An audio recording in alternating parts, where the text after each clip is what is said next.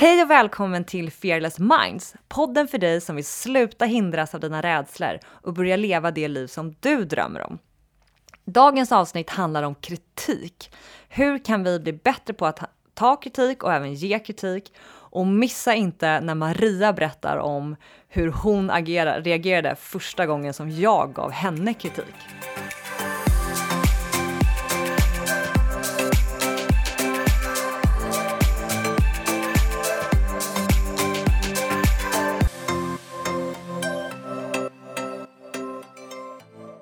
Och nu är det dags för Vad tänker du, Christer?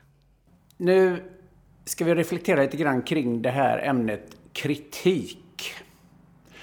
Och det är ju för väldigt många ett väldigt känsligt ämne, det här med kritik. Eftersom eh, själva ordet, vi pratar ofta om feedback, eh, som ett mjukare ord eh, att tala om kritik. Kritiker för de flesta av oss, det är ju människor som just kritiskt granskar, vi, lä vi, läser kritik av böcker, vi läser kritik om pjäser och, och, och musik och så vidare.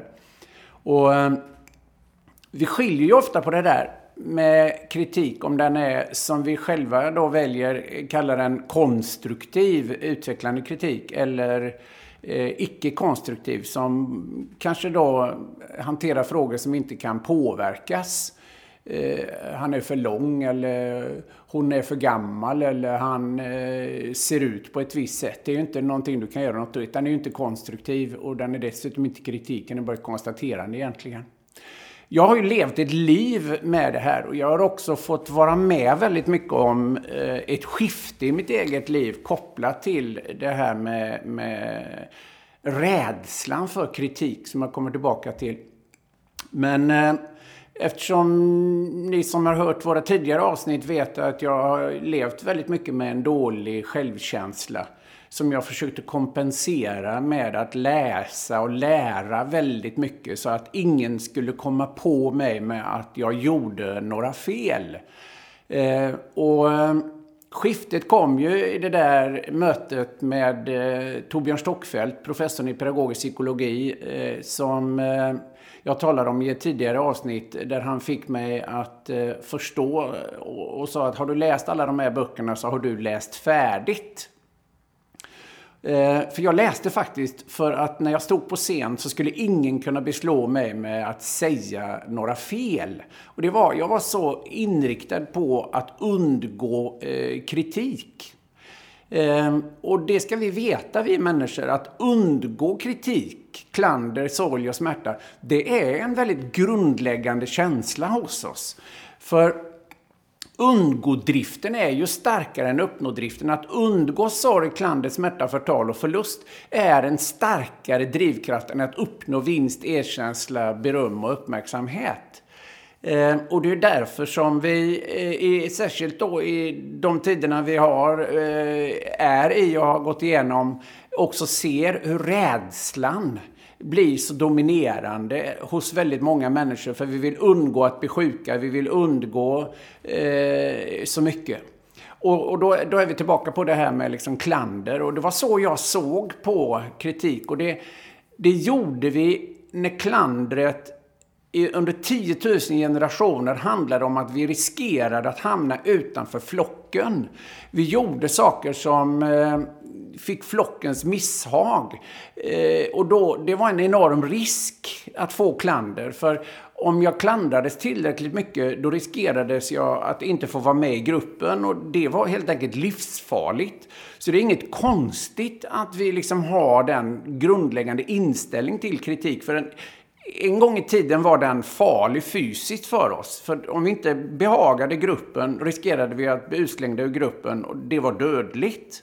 Och det tror jag vi ska förstå när vi hanterar ordet och, och fenomenet eh, kritik faktiskt. Eh, och då är vi ju i det här sammanhanget på samma sätt som med så oerhört många andra och våra reaktionsmönster så behöver vi förstå var de kommer ifrån för att förstå varför de påverkar oss så mycket i en miljö där det inte längre är farligt eh, att utsättas för kritik, där det inte längre är farligt att hamna utanför en flock, för då finns det andra flockar och jag dör inte om jag hamnar utanför en flock. Men den här grundläggande känslan, den växte jag själv upp med som jag sa. Och jag gjorde allt för att inte få kritik, för då trodde jag att jag inte skulle få vara med i gruppen. Jag skulle inte få vara på scen, jag skulle inte liksom få leverera. Eh, och jag kämpade och kämpade och kämpade eh, för att slippa kritik. Tills Torbjörn fick mig att fatta att det var ingen bra strategi. Eh, han fick ju mig att fatta att Christer, det finns inget rätt sätt. Du måste hitta ditt sätt. Lyssna på andra människor. Det är deras uppfattning. Kom också ihåg, Christer sa han när det gällde det här med kritik och återkoppling, att eh, utgå från att människor vill dig väl, men utgå inte från att alla människor vill det.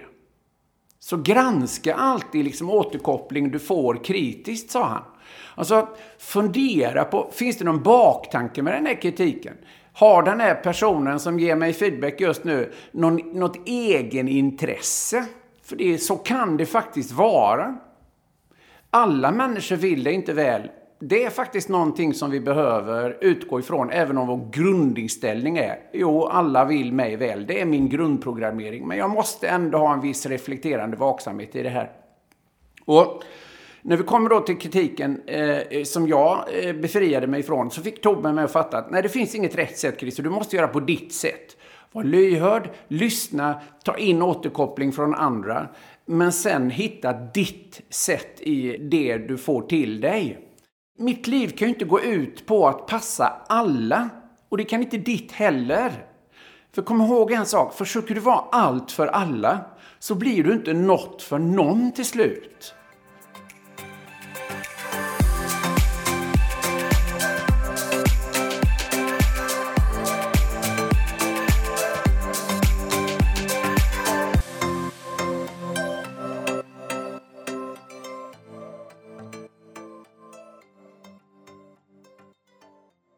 Maria, dagens avsnitt heter ju Tips och tricks för att kunna hantera kritik. Och eh, det är ju många, även jag själv, som tycker att det kan vara ett ämne som är ganska jobbigt att prata om. Kritik är ju något ganska ja, men jobbigt helt enkelt. Vad har du för relation till det här ämnet?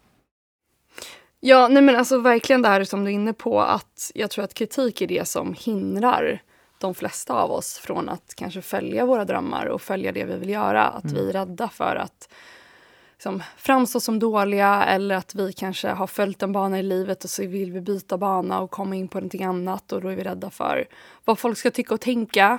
Kanske framför allt de i vår liksom, nära krets, att vänner eller familj eller bekanta ska döma oss. För mig har det varit en jätte liksom, blocker, en blockad från att följa det som jag verkligen känt är rätt för mig. För att det också kanske är kopplat till ja, men så här, det kanske ligger utanför det, det som man gör i dagsläget, och att, eh, eller det som jag gjorde förut i alla fall.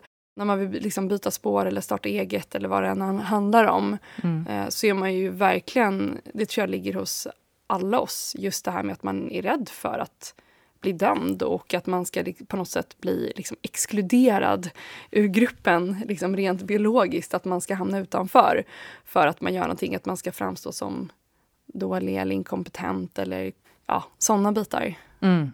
Jag tror verkligen att det, det sitter nog väldigt mycket i, liksom i från vår biologi. Förr var det ju så otroligt viktigt att vara en del av flocken. Och det är ju fortfarande, det är jätteviktigt för oss att känna tillhörighet och att vi liksom duger och att vi är kompetenta och vi kan bidra och att folk tycker om oss sådär. Men att det var så otroligt viktigt när vi liksom bodde i grottan någonstans. Annars så dog vi ju om vi inte tillhörde en, en flock. Vi klarade oss inte helt själva. Vilket ju på mm. ett annat sätt gör idag. Mm. Ehm, så jag tycker det här är ett väldigt spännande ämne. För att jag, jag tror att så här, för mig har det nog känts som att kritik var något väldigt, väldigt läskigt och obehagligt förut. Om man liksom så, mm, stålsatte sig när någon skulle komma med någon feedback vet, på jobb eller så. Man ville vara så här, okej okay, nu ska jag lyssna, jag är öppen för feedback och kritik, men egentligen typ hade man en knut i magen liksom. Ja. eh, medans jag tror, och den kan ju fortfarande liksom finnas den aspekten så, men jag tror framför allt att det som har liksom skiftat lite med åren för mig är att i kritik, både om jag får det av någon, men också om jag känner att jag behöver ge det till någon, så har det funnits så mycket att lära av det och i det. Det har funnits liksom insikter och liksom lärdomar om mig själv framför allt, skulle jag säga, som jag kanske inte såg först, för att jag inte ens alltså kanske visste att de fanns där, eller visste inte hur man skulle titta på dem, eller vad behövde jag liksom jobba upp för att kunna se dem. Eh, men att, eh, att det verkligen finns mycket att växa utav där och lära sig om sig själv framförallt i det. Ja, jag håller helt med dig. Och jag tror att det, det tankesättet är någonting som jag plockade upp för kanske så två år sedan. Och innan dess så var det precis som du så beskrev, att det som kom till en, att man, man bara stålsatte sig och det var svinjobbigt att höra. Men sen när man har en förmåga att titta på det mer liksom rationellt och liksom sortera lite kritik, kritiken så kan man se vad som är skräp mm, mm. och vad som är faktiskt värdefullt och någonting som kan hjälpa en att växa. Eh, jag, har, jag kan berätta en liksom, liten story om det här. Så jag, för jag hade en grej som jag gjorde där jag fick väldigt mycket kritik. Mm -hmm. jag, och jag var inte beredd på det. jag, jag skrev en artikel för, jag har skrivit artiklar för så Huffington Post och Mindbody Green. Och då så när jag, en av de första artiklarna som jag publicerade då för Mindbody Green hette hette Why Selfish People Are Happier and Healthier. Och då är så här, man jobbar med en, med en editor som det då heter. Eh, så jag, det var inte den headlinen som jag hade, eller den rubriken som jag hade skrivit, utan de ändrade till den för att liksom få mer klicks, man säger. Så att den var ju lite provocerande, hela den här rubriken. Och sen så då helt plötsligt en dag så ligger den uppe. Och den ligger på första sidan, då hade de en sån här vad som, som en banderoll, liksom att det kom upp en artikel och sen kom nästa. Men det var alltså den första artikeln, artikeln som visades och artikel nummer två var en av Deepak Chopra. Mm. Så det var väldigt många, den fick, den fick jättemycket visibilitet. Eh, och den hade delats, på ett par timmar så hade den delats liksom, ja, men så tusentals gånger. Och eh, till en början var jag så här, jag bara, wow, det här var ju Eh, det var faktiskt en kompis då vars kompis hade läst den här och skickat till honom och bara så här, inte det här Marias artikel? Eh, eller visst är det Maria som har skrivit den? Eh, och eh, ja, men var till en början jätte liksom, glad. Så ja, glad och stolt och bara den, har fått, den, den syns jättemycket. Och sen så scrollade jag ner och såg kommentarerna. Mm -hmm. Och där var det ju, alltså hela den rubriken, Why selfish people are happier and healthier, är ju väldigt provocerande i sig. Mm. Och då var det, alltså det bara ra, alltså kommentar efter kommentar där det var liksom att så här, den här författaren har inte koll på någonting och det var, det var liksom kritik efter kritik efter kritik. Och läste man artikeln i sig så förstod man syftet, alltså då, då, förstod man det. Men det här var folk som inte ens hade läst artikeln, de var bara provocerade och liksom ville skriva någonting. Och till en början så var jag bara så jag stängde ner datan och bara började gråta och bara, det här var ju vidrigt liksom. Den ligger uppe nu, jag kan inte göra någonting åt det. Helt plötsligt så vill jag bara ta bort den här artikeln. Mm. Men sen så då efter ett par timmar så liksom, jag var på landet, så jag gick ner och badade och försökte släppa det här för ett tag. Kom tillbaka, det hade fyllts på med ännu mer eh, sån här kritik. Sen satte jag mig då och började svara en efter en och bemötte det på ett väldigt, så här, jag försökte vara jätte jättetrevlig i de här svaren. Och liksom så här, ja, jag förstår att du kanske missuppfattade det och läser den här meningen så ser du att jag syftade på det här och inte det. Och, jag, jag, jag tog mig verkligen tid och svarade väldigt snällt. Och resultatet blev egentligen att jag fick jättemånga svar på det här och bara så oh, thank you so much Maria, I appreciate that, uh, sorry for my comment.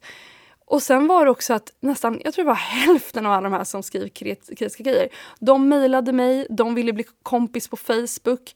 De tog sen efter det, eh, de ville då, efter jag hade svarat snällt på det här, så ville de sen knyta något, någon band eller bygga en relation eller liksom ta det här vidare. Och det var jag inte beredd på. Och det var där jag också landade i att den här kommentaren som den här personen har skrivit har egentligen inte, det har inte med mig att göra. Och sen kunde jag också se, apropå det du var inne på, att majoriteten av de här var ju bara så här, det här är ju bara släng. Det, jag ska ju bara slänga det här i papperskorgen liksom, rent mentalt. Att det här är, jag ska inte göra någonting med den här kommentaren. Men sen fanns det också kommentarer som faktiskt hade någonting, när man känner att man blir, det berör någonting i en och att det finns någonting där som man kan använda för att växa, för att här, göra någonting bättre nästa gång. Och de tog jag också till mig och jag tror att det är det där man vill göra när man får kritik, att man man måste liksom rent krasst sortera dem i två högar. Att ena högen är slänghögen. Det är så här, mm. det har ingenting med en själv att göra, det är bara någon som haft en dålig dag. Och det ska bara så slängas med kärlek i en papperskorg. Och den andra högen är, där finns det värdefull information, det finns lärdomar, det finns saker man kan ta till sig av för att nästa gång göra någonting bättre. Mm. Jag tycker det där är väldigt bra sätt lätt att tänka liksom, när det gäller kritik från kanske människor man inte känner eller folk i ett arbetsliv. Alltså man har liksom lite lättare tycker jag att separera på ja, så här, saker folk säger och vilka känslor det triggar i en och sådär. Men jag skulle säga att det svåraste tycker jag är att ta kritik från människor som står en väldigt nära. Alltså typ sina privata relationer. Där är det jobbigast och gör mest ont skulle jag säga. Eller vad tycker du? Ja, ja 100 procent. 100 procent. Där är det mycket mer, där är mycket svårare att se det på ett nyktert perspektiv.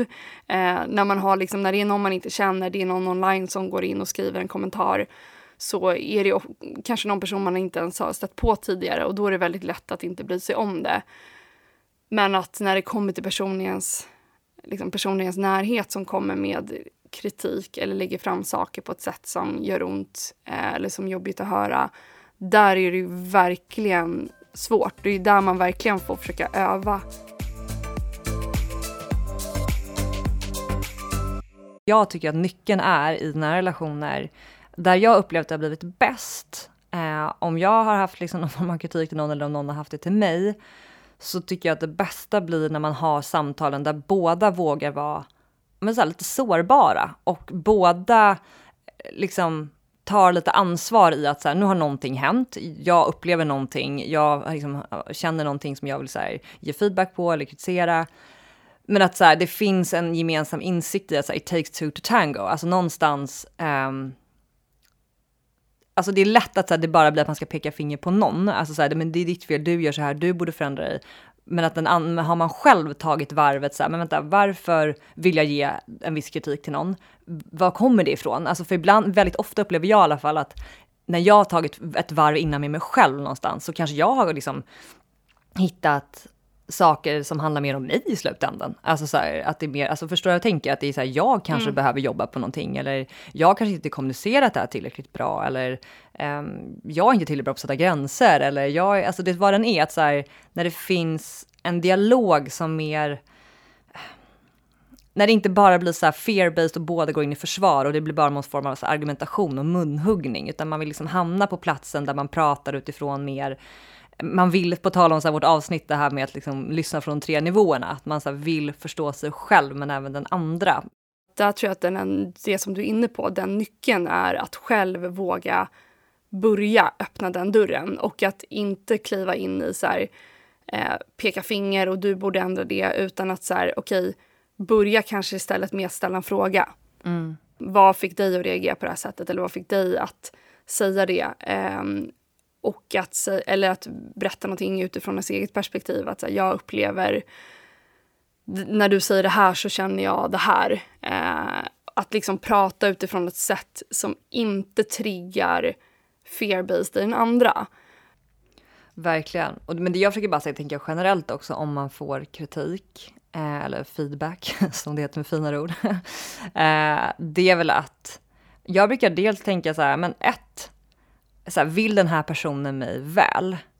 Alltså är det ett jobbsammanhang mm. så är det, så här, är det en bra chef eh, liksom man har, eller en bra ledare, eller en bra liksom, medarbetare, då har, alltså så här, man känner om att det här är en person som verkligen vill att jag ska förbättra någonting. Alltså den här personen kommer med en feedback eller en kritik som den personen verkligen vill att så här, tar du till den här så tror den verkligen att jag kommer förbättra mig på ett område. Alltså bara det är så här, känner man att någon vill en väl så, så är det ju mycket enklare att, att ta till sig liksom, någon form av kritik för det första och det är ganska enkelt liksom så. Um, men sen också så här, vad är syftet med den här kritiken? Alltså, jag menar, ibland kommer folk med feedback och syftet är typ att de bara vill trycka ner någon annan för att känna sig bättre själva. Och ibland mm. är syftet att de verkligen så vill förbättra en person i teamet så att den kan bli bättre liksom, och att de kan nå liksom, i projektet eller företaget liksom, ta sig framåt och bli ett bättre företag eller vad den handlar om. Alltså vad är syftet? Är det gott eller inte? Jag tänker bara på ett exempel mellan dig och mig. Mm. Eh, där vi hade en situation som var för ja, ett och ett halvt år sedan där det, det var egentligen så att det dök upp två erbjudanden. Eller det dök upp, vi, vi fick ett erbjudande och det dök upp två möjligheter i det här. Eh, där, där jag i, på den platsen, där är ingenting man är stolt över, men jag roffade ju lite åt mig det typ bättre erbjudandet i det här sammanhanget. Just det. Kommer ja. du ihåg den ja, situationen? Jag bara, vad pratar hon om? Okay. ja, eh, och det gjorde jag verkligen. Eh, och sen så, så gick liksom, och vi, vi hade då, det var i samband med ett möte, och sen gick vi därifrån, sa hej då till varandra och sen på kvällen så skickade du ett sms till mig där du sa det här, liksom, om jag upplevde att du liksom roffade åt dig. Men du sa också så här, men jag förstår att det inte var din mening, jag vill bara säga det och liksom lyfta det här från hjärtat. Eh, men allt är okej, liksom, men jag vill bara säga det. Och när du skickade det, det då till mig, som kan uppfattas som kritik, eh, så för det första så sa du på ett väldigt kärleksfullt sätt, så att jag visste ju att så här, du har en bra intention med det här och det syftet du vill är att liksom ta bort det som ligger i vägen så att vi kan bara ha en bra relation. Men det som, jag, det som det fick mig då att göra, och just det här jag tänker när man får kritik, att man kan ta det steg längre. Ett sätt är ju bara så här, eh, jag roffade inte. Jag, liksom, jag var bara tydlig med att jag kan ta det alternativet. Eh, för jag hade kunnat vända det på det sättet också, att så här, det var inget roffande i det här. Men att när jag väl gick tillbaka till den situationen så insåg jag att jag eh, det, den situationen triggade någonting, en väldigt så stor osäkerhet i mig. Vilket gjorde att jag kände mig helt ur balans. Så att när det här hände så var det som att jag bara roffade åt mig i farten och att jag... Eh, ja, men det var väl ett sätt att liksom jag menar, hävda mig själv på något sätt. Eller, det var i alla fall bottnat, spelar ingen roll vad det var, men det var bottnat i min osäkerhet. Det hade ingenting mm. med dig att göra, det hade ingenting med vår relation att göra, det hade ingenting med att jag ville vara elak att göra. Jag bara hanterade den situationen på ett dåligt sätt för att jag själv var på en dålig plats just då. Och när den landade då i, i form av att så här, okay, jag, att ta den här kritiken i att så här, men det var det här som faktiskt skedde och att kunna förklara det för dig att det, det bottnade bara i min osäkerhet varför jag agerade på det sättet. Helt plötsligt i den situationen så var det också som att vi kom varandra ett steg närmare. För helt plötsligt kunde vi förstå varandra på ett annat sätt. Alltså verkligen, och det, det, det här är ett väldigt bra exempel, för det är precis, verkligen, det här är så talande för att precis som du säger, om man så tar olika led, det hade varit lätt för mig att så här, nej men skitsamma, det, så här, vi, jag behöver inte ens tänka på det här, eller så här, jag struntar i det här, stoppar ut sanden, eh, eller bara så här, nej, det var säkert ingenting, du vet, fast man kände ju så här, jag kände ju så att det påverkade mig, den situationen, det beteendet, och det, men det hade varit så här, det hade varit lätt att bara, men skitsamma, jag orkar inte bry mig, jag orkar inte ta upp det, jag orkar inte ta diskussionen. Men det som hade kunnat hända då var att det hade legat underliggande och skavt och, och haft, varit som en liten irritation. Och det hade ju separerat oss på sikt, är jag helt övertygad ja. om. Så, för det är ofta så det blir i relationer, det tror jag alla vi har upplevt. Att det börjar med små saker, så byggs det på på hög och till slut vet man inte var man ska börja. Man bara har en känsla av att man typ ogillar någon, man vill inte vara med någon, man vill ta avstånd från någon. Liksom. Och, det är därför så och hade dykt upp Ja, och hade dykt upp någon liknande situation, då hade du kanske roffat. Alltså så här, att man ja, har exakt. påbörjat ett dåligt mönster då, ja, exakt. som ingen vill ha. Precis, på tal om pajkastning, man bara, nu är det min tur. så här hämnas. exakt. Så ett, så, så, att man liksom i den situationen bara, men tar, det är det jag menar med, så här, i den, och det var det jag kände, att jag bara, nej men om jag inte tar i den här situationen, om inte jag lyfter upp den och tar den liksom pucken med dig, så är jäkligt stor risk att vi kommer glida ifrån varandra. Och det, det vill, alltså jag började så här, gör man liksom, zoomar man ut och bara, men den konsekvensen vill jag absolut inte ha. Det var ju mard, för du är ju så nära mig, liksom, både som att vi jobbar ihop men också att vi har blivit som nära vänner. Så det var ju liksom min, och det tror jag också jag skrev, att så här, det är lätt att strunta i det här, men jag vill liksom ta upp det här nu för att jag vill inte att det här ska ligga mellan oss på sikt och liksom skava. Så ett, att så här, mm. det är så mm. värt att ta upp dem. Um, men sen också hur häftigt det var av dig någonstans. Det är det jag älskar med dig, så här, snacka om så här hyllningspoddavsnitt. Men det jag tycker, uppskattar väldigt med dig och andra människor i min närhet är att jag, upps, jag tycker så mycket om människor som, som har det mindsetet och som kan ta en sån eh, ett sånt medlande eller ett, en sån diskussion. Att inte bara då gå på det instinktiva, att så här, kasta någon form av grej tillbaka eller skylla ifrån sig eller peka finger, utan så här, ta det här fingret och peka tillbaka och bara, men vad hände där? Så här, finns det någon Finns det någon sanning i det här? Eller vad handlar det här om egentligen? Finns det något jag kan lära av det här? Finns det något om mig? Och att du tog det jobbet och gjorde det själv, alltså rannsakade dig själv, tittade på dig själv. Och att du sen hade modet och styrkan och sårbarheten att sen prata med mig om det. Och, att, så här, och det blev ju så fin dialog mellan oss, för då helt plötsligt berättade du saker om dig och då kunde jag liksom dela med mig av saker om mina osäkerheter. Och så helt plötsligt så hade vi en väldigt så här, sårbar och djup diskussion eh, och liksom ett snack där vi kom varandra ännu närmre och förstod mm. varandra väldigt liksom mycket bättre. Så att jag säga, det där är verkligen ett klockrent exempel på en situation som var jobbig, där det fanns kritik, men där, där det verkligen fanns så himla mycket utrymme och möjlighet att jobba på någonting. Och så tycker jag att det är väldigt ofta när det handlar om kritik. Ja, för jag tror just det här med att våga titta under locket. Liksom. Vad var det som hände här? För att den liksom, tron har jag ändå på att så här, i grund och botten så tror jag att vi alla människor är goda. Det finns väl några som liksom är de, de har flippat, men i grund och botten, vad säger man, överlag så tror jag att vi människor är goda och att vi inte gör saker av eh, dålig intention, utan det är då till exempel som i det här fallet, det uppfattades i dina ögon som att jag hade en dålig intention, men det var inte det. Det hade ingenting med det att göra egentligen, utan att se det som ett sätt, för mig var det en jätteviktig lärdom i att hantera den osäkerheten eh, kopplat till egentligen det vi gör idag.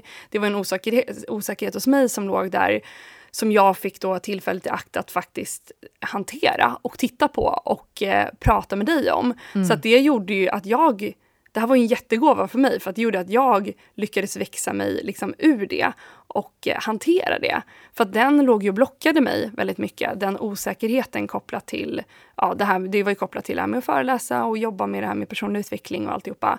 Eh, så att den, det var en väldigt fin, eh, alltså så här, det var en gåva i det här. Och jag tror att våga, alltså dels att då bara för att summera ihop det här lite, men att så här, när man får då kritik, att antingen lägga det i skräp korgen för att man är så här, det här uppenbart att det här bara är en person som har en dålig dag. Liksom, det är någon typ, något troll eller någon som bara skriver någonting taskigt eller någon som så här ryter ifrån på en och det, ja, det är så tydligt att det här inte har med en själv att göra och då tror jag det är väldigt viktigt att faktiskt så här, slänga den kommentaren eller den kritiken i papperskorgen mentalt för sig själv så att man inte går liksom och, och fastnar i sådana saker. Men sen då de här den typen av kritik som jag tycker hur man, hur man identifierar det är att det berör en på något sätt. Alltså det är någonting inuti en som är så här, ja det där, som när du skrev det till mig så var det så här, ja det stämmer. Det, jag vet, jag förstår, nu när du säger det eh, så kände jag att den resonerade med mig. Och då att våga titta un, liksom, lyfta på locket och säga, men varför reagerade jag på det sättet? Eller vad är det jag kan skifta till nästa gång? Eller vad är det i den här kommentaren som, eh, som det finns en lärdom för mig att hämta? Och då helt plötsligt så blir det ju en gåva när man väl har liksom gjort den resan. För det, det är inte ofta så att den landar så till en början. Men att ge sig själv den lite tid att liksom låt, dels låta den här heta potatisen bara få svalna lite och sen komma tillbaka och titta på det så så kan det vara några av de största gåvorna som man får. Och där ska man också vara rent krasst att vissa personer, som i det här fallet, du la fram det på ett väldigt bra, konstruktivt, kärleksfullt sätt. Så gör inte alla. Och där tror jag också att man behöver för sin del, för att vi alla människor är väldigt olika, att faktiskt våga se också de kommentarer som inte sägs på ett så snällt sätt. Men att rent liksom, logiskt rationellt kunna titta på det för att man själv i sin egen vinning ska kunna använda det till någonting bra.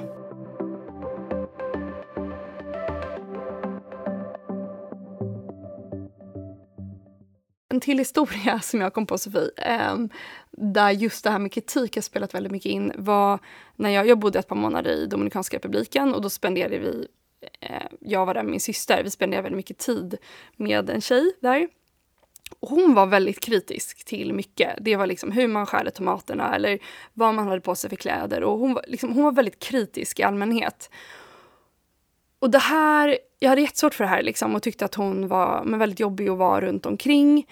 Tills det landade för mig att om hon är så här kritisk mot folk i sin närhet, hur kritisk är inte hon mot sig själv då? Mm. Och det var då när jag började sätta på mig de glasögonen, att personer som är väldigt kritiska mot sin, eh, mot sin omgivning är garanterat hundra gånger mer kritiska mot sig själva i allting de gör. Och den insikten, när den landade för mig så kunde jag se på henne med kärlek, med liksom omtanke och jag kunde också se det som jag inte tidigare sett, nämligen hur kritisk hon faktiskt var mot sig själv och hur hård hon var mot sig själv hela tiden. Och då helt plötsligt så var det som att hennes kommentarer det, de, de stötte inte mig längre, utan jag kunde helt plötsligt möta henne på ett helt annat sätt. Mm. Så den tror jag, insikten i att på något sätt så hur vi människor beter oss mot dem runt omkring och framförallt om vi är kritiska. Det säger snarare någonting om hur den personen är mot sig själv och sin, e sin egen relation. Om man själv har tur som bara kanske får uppleva en, en procentdel av den kritiken som den har i sitt eget huvud och i sin egen dialog. Eh, och jag tror att bara den insikten har gjort att jag har landat i väldigt mycket så här, ödmjukhet och kunna se på människor på ett annat sätt eh, efter det. Och att man, eh, ja, man får, helt, man får mer, mer kärlek liksom, för människor. Eh, så den tycker jag är väldigt, så här, det var en jättestor lärdom för min, för min del.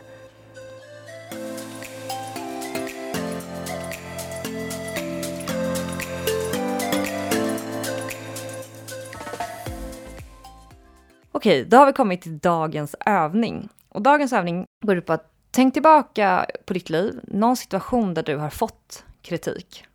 Och ställ dig först frågan, är det här kritik som hör till den så kallade skräpkorgen som du inte bör titta på, som inte har med dig att göra? Eller två, är det faktiskt någonting i den här kritiken som du kan lära av? Och vad är i sånt fall det? Stort tack för att du varit med oss idag. Och vill du ha mer inspiration så gå till vår hemsida www.fearlessminds.se och så eh, fyll i din e-postadress och, och prenumerera på vårt nyhetsbrev så kommer du få en, eh, ett mejl varje vecka med en eh, veckodos av inspiration som vi kallar det. Hej då!